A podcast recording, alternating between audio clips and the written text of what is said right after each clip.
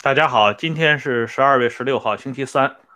今天我们来直播一期《读书杂记》，来讲一讲一直以来在人们头脑当中一个非常神秘的角色，就是我们经常能够从电视连续剧看到，呃，清朝后宫里边有这么一个角儿，叫敬事房。呃，大家如果印象还有的话，可以回眸一下，二零一二年啊比较火爆的那个电视连续剧《甄嬛传》。在《甄嬛传》这个电视剧当中，多次出现敬事房这么一个机构啊。大家看到啊，几乎是在第二集就开始出现一个敬事房的太监，尖声尖气的啊跑过来。跪在那里啊，亮出一大排这个绿头牌，请皇上翻牌子啊。所以呢，久而久之，给大家留下一个印象啊，似乎这个敬事房，包括这敬事房太监，干的就是这种勾当啊，就是给皇帝安排这个啊床子之间的这些事情啊，就是管床上的事情。所以有时候开玩笑啊，讽刺谁。都喜欢说，哎，敬事房的太监如何如何。那么这个敬事房，包括敬事房的一把手叫敬事房大总管，他到底儿在清朝后宫，他是一个什么样的角儿？他有一个什么样的地位？这个今天我们来简单的做个介绍。这里呢，我们先说这敬事房，它的全称叫什么呢？叫宫殿监办事处，这个机构设立于大清朝康熙十六年，也就是公元一六七七年。这个机构是干嘛的呢？这个机构简单的说，就是直接受大清朝内务府领导的，管理清朝所有宫内内外太监的一个管理部门。它的主要职权范围包括六种、六项，这六大项罗列开来，大家就知道这敬事房到底是一个什么概念。首先，它是传达和执行皇帝关于后宫事务的旨意，并监督执行；其次，照顾皇帝及后妃、皇子、公主的生活起居。第三，主持内宫的一切礼仪活动，并稽查是否有伪制现象。第四，管理皇帝的全部后宫财产，并负责后宫的收支状况。第五，管理宫内外各处太监，并负责太监的选验进宫及升迁调补、奖惩抚恤。请假、销假等事宜。最后一项是接受内务府监督领导，并承办与内务府各衙门的往来文件。这就是敬事房的责任。从这个他的职权范围，大家就能够明白这敬事房是什么概念了。如果把大清朝的内务府，比作办公厅的话，那么敬事房就是特勤局。这里呢有一本书，大家看一下，叫《蒋介石特勤总管回忆录》啊，讲的就是黄埔同学会励志社总干事黄仁霖的故事。当初蒋介石在黄埔同学会内部设立了一个励志社，这个励志社。以往被一些人误以为是一个特务机构，其实不对，它就是一个变相的特勤局。所以黄仁霖被称作是蒋介石的特勤总管。电视剧《潜伏》当中，余则成啊说什么励志社绞杀复兴社，什么蓝衣社等等这些啊，其实呢都是根据误传来的。实际上励志社的。角色就跟我刚才说的这敬事房没啥区别。因此，大家就可以看到，这敬事房可不是说就给皇帝传达这绿头牌，说皇上今儿晚在哪儿安歇，或者是今儿晚找哪个后妃来陪侍，他可不是这个事儿。敬事房大总管在清朝后宫里非常显赫，他有一个神秘的外号，叫内相，就是后宫的总理大臣。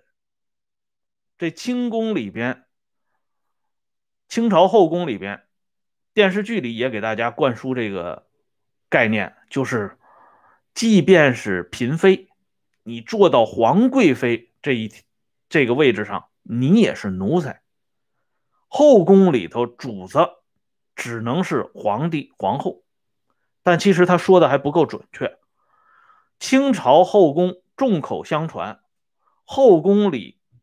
有三个半主子，就大清朝来讲，第一个当然是皇上，第二个是太后，半个主子是皇后，那么还有一个主子就是敬事房大总管。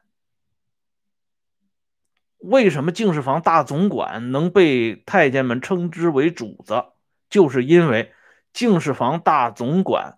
掌握着太监们的生杀予夺大权，他们每天直接奉皇帝之命对这些严格严肃的管理。他们一句话，这太监呢可以升天；也是一句话，太监们可以入地。而敬事房大总管这个职务的裁定，只有皇帝本人才有权。别人谁都别想染指，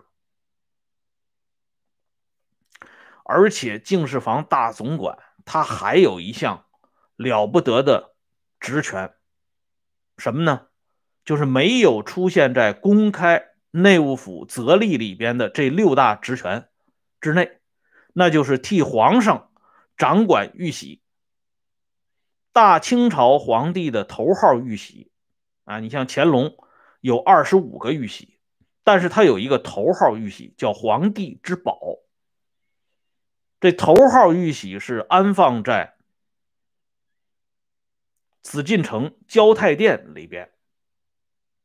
乾清宫是皇帝的寝宫，乾为天；坤宁宫是皇后的寝宫，坤为地。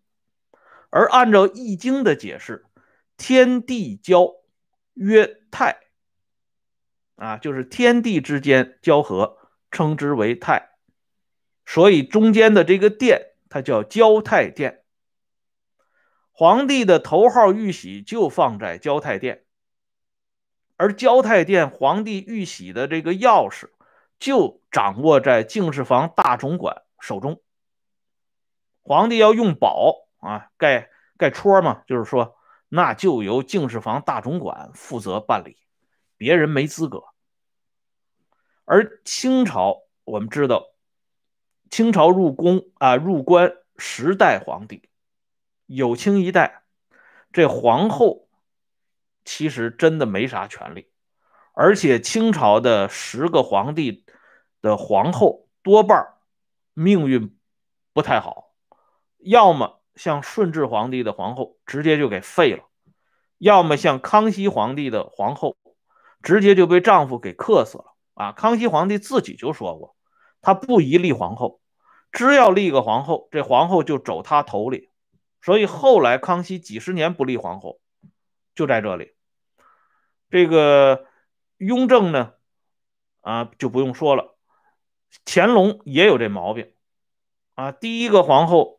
活的时间不是特别长。第二个皇后让他把帽子给摘掉了，这个大家看《如懿传》里边就能够看到啊。所以这个中宫皇后的命运一直在清朝不是那么好，所以清宫才会说皇后相当于半个主子。可是敬事房大总管的运气那实在是好。这里呢，我给大家举一个活生生的例子。电视剧《甄嬛传》大家看过，里边有一个活灵活现的角色，就是苏培盛。要说这个电视剧《甄嬛传》啊，为什么拍的好啊？就在于啊，如果他跟之前拍摄的什么《雍正王朝》啊，就是胡梅导演的《雍正王朝》，和之前周康瑜导演的《雍正皇帝》这两部描述雍正朝的这个故事的电视剧相比较，就是精彩就精彩在苏培盛这个人物的出现。苏培盛是有清一代最牛的敬事房大总管。名正言顺的敬事房大总管，为什么管他叫名正言顺呢？咱们后边会详细给大家掰扯这件事情。这苏培盛当这敬事房大总管，他的权势到什么程度呢？这电视剧里边啊，当然是艺术加工，但实际历史当中，这苏培盛不得了。庄亲王允禄。就是皇帝的亲弟弟啊，十六弟允禄是负责管理内务府，就是兼任中央办公厅主任，按说是这苏培盛的顶头上司。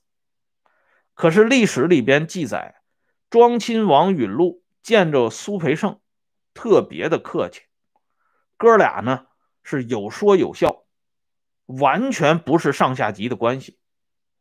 为什么呢？允禄很清楚自己的地位啊！你这个弟弟，人家皇帝认你，你是弟弟；不认你，你就是阿契那塞施黑啊！所以允禄巴结这个苏培盛。这允禄尚且如此啊！我们再来看一下跟皇帝血缘关系最近的两个人：保亲王弘历和和亲王弘昼。这是皇帝的两个成年的亲儿子，皇帝未来的接班人就在老四和老五当中选择。按说这样的人物作为天皇贵胄，那人们见了啊，躲避还来不及呢，谁敢随便跟他们啊打招呼啊、开玩笑啊？苏培盛就敢。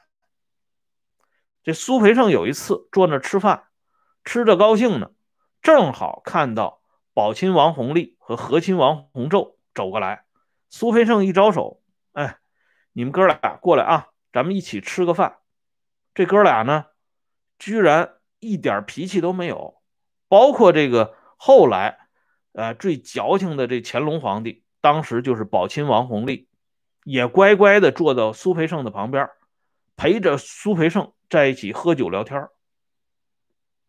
这个事情。后来到了乾隆继位的时候，给捅了出来。我们知道，这雍正皇帝宴驾是在雍正十三年八月份。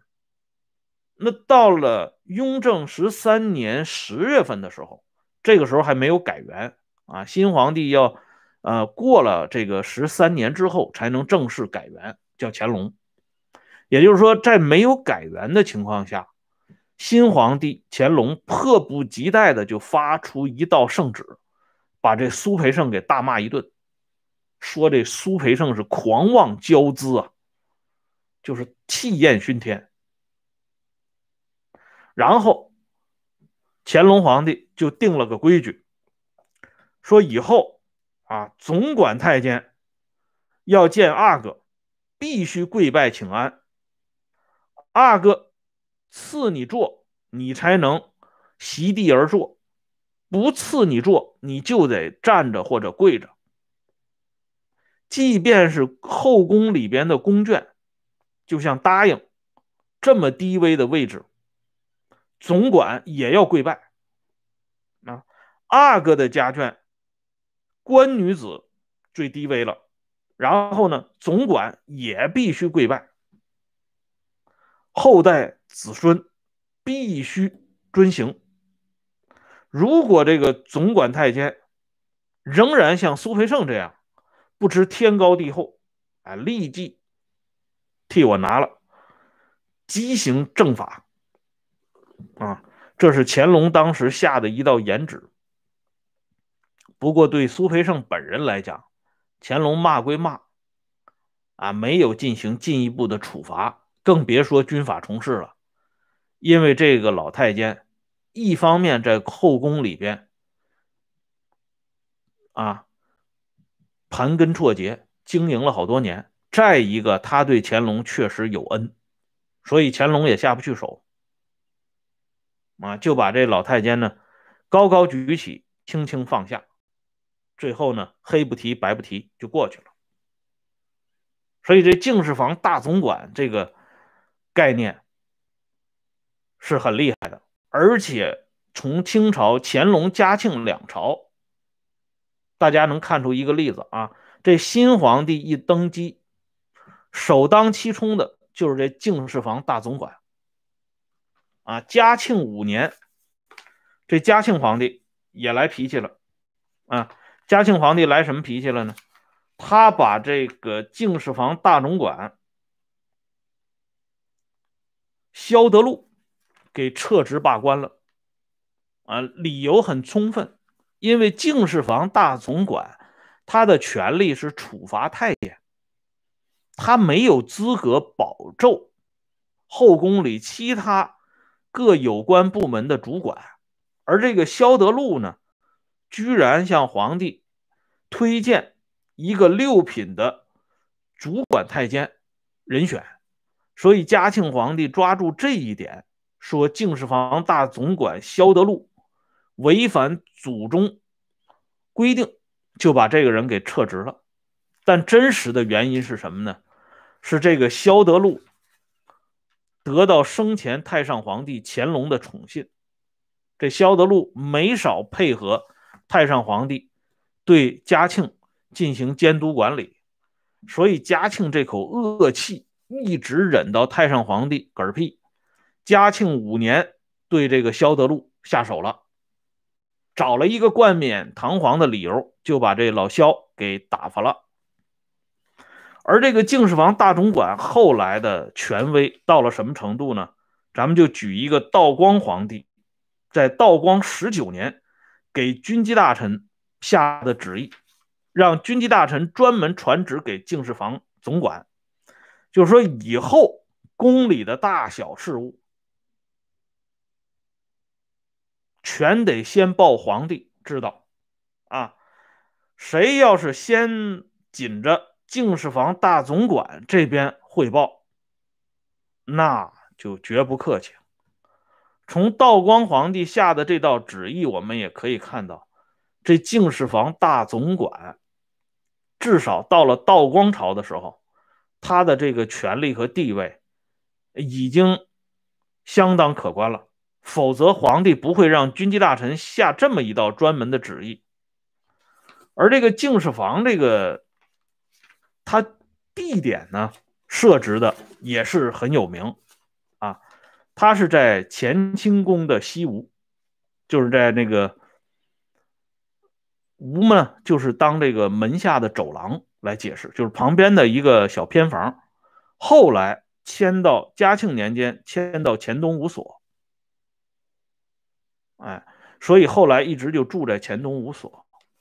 清朝的清宫遗文当中对敬事房有这么一个描述，这就像这些影视剧里边所表现的，说敬事房专门给皇帝递这个绿头牌，啊，皇帝今儿晚找谁一起这个 happy，就由敬事房来安排。但是这条记载呢？啊，根据清朝的清宫史料和它内部的档案资料显示，不是完全准确的。啊，因为呢，清朝自从这雍正皇帝上台以后，皇帝的就寝安息的时间和地点非常保密，没有一般贴身服务的这种太监。没有人能够知道皇帝今儿晚歇在什么地方，啊，保密工作做得非常到位。这里呢，我给大家简单的介绍一下：自从清朝雍正元年开始，皇帝就住在养心殿，而且这个养心殿，皇帝他是在这里布了一番迷魂阵的，养心殿有两张床，一个呢叫东间床，这是皇后服侍皇帝安息、这个休息、安睡的这个床；还有一个西间床，是嫔妃们啊伺候皇上时候用的这个床。而养心殿后殿东侧设了一个叫体顺堂，这个体顺堂是专门给皇后侍寝准备的这么一个寝宫。在体顺堂，也就是养心殿后殿西侧，还设了一个宴喜堂，这个宴喜堂是专门给后妃准备的，啊，这些嫔妃们准备的。而皇帝自己呢，除了东间床、西间床、体顺堂、宴喜堂之外，他还有一个睡觉的地方。这个地方只有贴身太监才知道，甚至呢，这个敬事房大总管也不见得参与。哎，所以这皇帝一到了晚上，神出鬼没，你不知道他究竟睡在什么地方。就是担心有人图谋不轨，所以电视剧里边啊，那么明晃晃的好几个人围着皇上啊，说今儿晚啊招延禧宫啊，明晚招碎玉轩，后晚纯菊堂，这个是不不可能的，因为这就等于告诉大家，皇上今晚跟谁在一起，或者皇上是在什么地方睡觉，那是国家头等大事机密啊，那是绝不可能泄露的。哎，从这个例子里面呢，又可以看到另外一个节点，就是这个敬事房大总管，名义上是后宫里边的主子，地位呢很显赫，权力很大，但他却不是皇帝唯一的心腹，或者是最主要的心腹。这里就涉及到中国这种传统的政治体制。他是本身就跟皇帝睡哪张床一样神秘不可测。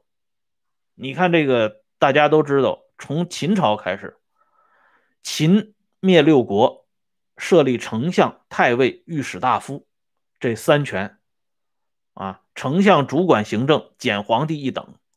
可是到了汉武帝的时候，汉武帝觉得这丞相权力太大了，他用他身边的这些。端尿盆的、端洗脚盆的，什么卫青啊，这些人啊，把他们的霍去病这些人提起来，大将军啊，骠骑将军，结果呢，这些人就把丞相的权力给侵夺了。到了光武帝刘秀的时候，又觉得这些人不可用了，他又改用了尚书。尚书其实也是皇帝的秘书。再后来，尚书的权力怎么办？又大了。到明朝的时候，尚书直属皇帝，权力越来越大。到了清朝，就发明了军机处，贴身跟班啊。所以呢，这内宫里、后宫里这敬事房大总管的位置，跟我之前介绍的丞相、尚书是一个概念。皇帝或者是掌权的皇太后。他还有自己另外一层亲信，这规矩啊，大家知道，清朝末年西太后这西佛爷有两个最顶尖的亲信，前面叫安德海，后边叫李莲英，这没有人不知道这哥俩。很多人就认为这大清朝的规矩是让这个西太后给坏了，其实不是的，啊。其实，在康熙老爷子的时候，这规矩就已经坏了。在康熙朝，我们一开始就讲了，他设立的敬事房，给敬事房定的规矩。可是，在康熙身边最得宠的两个太监，一个是梁九公，人称九千岁；一个是魏珠，啊，专门带着一个谁都没有。轻易能够拿到的头衔叫哈哈珠子太监。什么叫哈哈珠子呢？大家看过《红楼梦》，经常在贾宝玉身边转悠的那个小厮叫明烟儿。这小厮啊，翻译成满语就叫哈哈珠子，啊，也叫男孩儿，哎，所以呢，这皇帝身边就经常有一个这种 playboy 啊，这个不累男孩就天天陪着皇上。要怎么叫不累男孩？从来都不觉得累啊。所以我估计这个 playboy 应该是根据咱们大清这不累男孩啊演绎出来的这么一个名字。啊，只不过今天给翻译的不太好，我觉得还是叫不累男孩比较好。所以这个魏珠，他跟康熙皇帝之间的关系太近了啊。这个雍正皇帝一上台，首先就收拾这魏珠，把这魏珠家给抄了啊。这魏珠家里非常有钱，要知道康熙皇帝还是一个挺讲究的皇帝。啊，也曾经多次反贪污、反腐化，但是魏珠就在康熙皇帝眼皮底下发了家了。啊，他们家这房子就有几百间之多，当铺两个，啊，本银那都是上万两的银子，还有名人字画啊，等等等等。最主要的是，他们家里藏了十五张弓，哎，满人以弓马取天下，他们把这弓箭看得特别重。寻常人等家里不准收藏弓箭的，这是祖宗家法的。可是魏珠家里收出来十五张弓。后来乾隆皇帝还专门聊过这事儿，说前朝的魏珠那可不得了，他们家有十五张弓。啊，这魏珠呢，按说就是完了。可是雍正呢，也是像这个乾隆处理苏培盛一样，这魏珠高高举起。轻轻放下，而且这个魏珠这不累男孩确实厉害！这老哥到了乾隆的时候，居然咸鱼翻身了。我们知道这乾隆皇帝对他祖父康熙感情特别深啊，你看他写的那些诗里边有好多都是怀念他跟他祖父在一起的岁月，所以他对魏珠也是另眼相看，把这魏珠给解放出来了。平反了，啊，平反以后，这魏珠呢，表面上看不知道担任什么样的职务，可是大清乾隆二十六年秋天发的一道圣旨里边，把这魏珠真实身份给露出来了。魏珠当时的地位啊，大家知道啊，乾隆二十六年呢，这个时候的魏珠应该岁数已经相当大了，啊，典型的就是属于离退休人员的这个级别了。可是呢，他的真实地位在寿康宫总管之上。寿康宫呢是皇太后居住的地方。哎，寿康宫总管太监当时的地位是仅次于乾清宫总管太监。可是这魏珠在他之上，所以说这不累男孩确实挺厉害。那么接下来呢，我们再说一个重要的人物，那就是李莲英。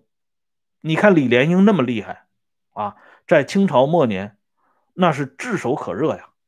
上到庆亲王一矿，直隶总督、北洋大臣袁世凯，包括袁世凯之前的李鸿章，包括中间的荣禄，都得巴结李莲英。啊，慈慈禧太后跟前最得宠的姑娘，荣寿公主啊，人送外号大公主，大公主那一样要巴结李莲英。可是李莲英最后的位置，官高二品呢？清朝乾隆年间下的规矩，太监的职务不能高过四品。可是李莲英拿到二品，啊，但是李莲英最后的职务也就是储秀宫总管太监，他没有做到敬事房大总管。可是他的权威远远超过敬事房大总管，所以从这个例子我们就可以看到。这皇帝自己立的法度，自己还要变化。为什么要变化？就是为了保证权力始终抓在自己的手里，不至于让别人隔着锅台就上炕。哎，所以今天呢，咱们介绍这个敬事房大总管，也给大家看一下清代的皇权的另外一个侧面。好了，今天呢话题就说到这里，感谢朋友们上来收看。最后呢，我把这个温相说时政的会员频道。链接给大家发一下，感兴趣的朋友，欢迎加入啊！每天都有更新。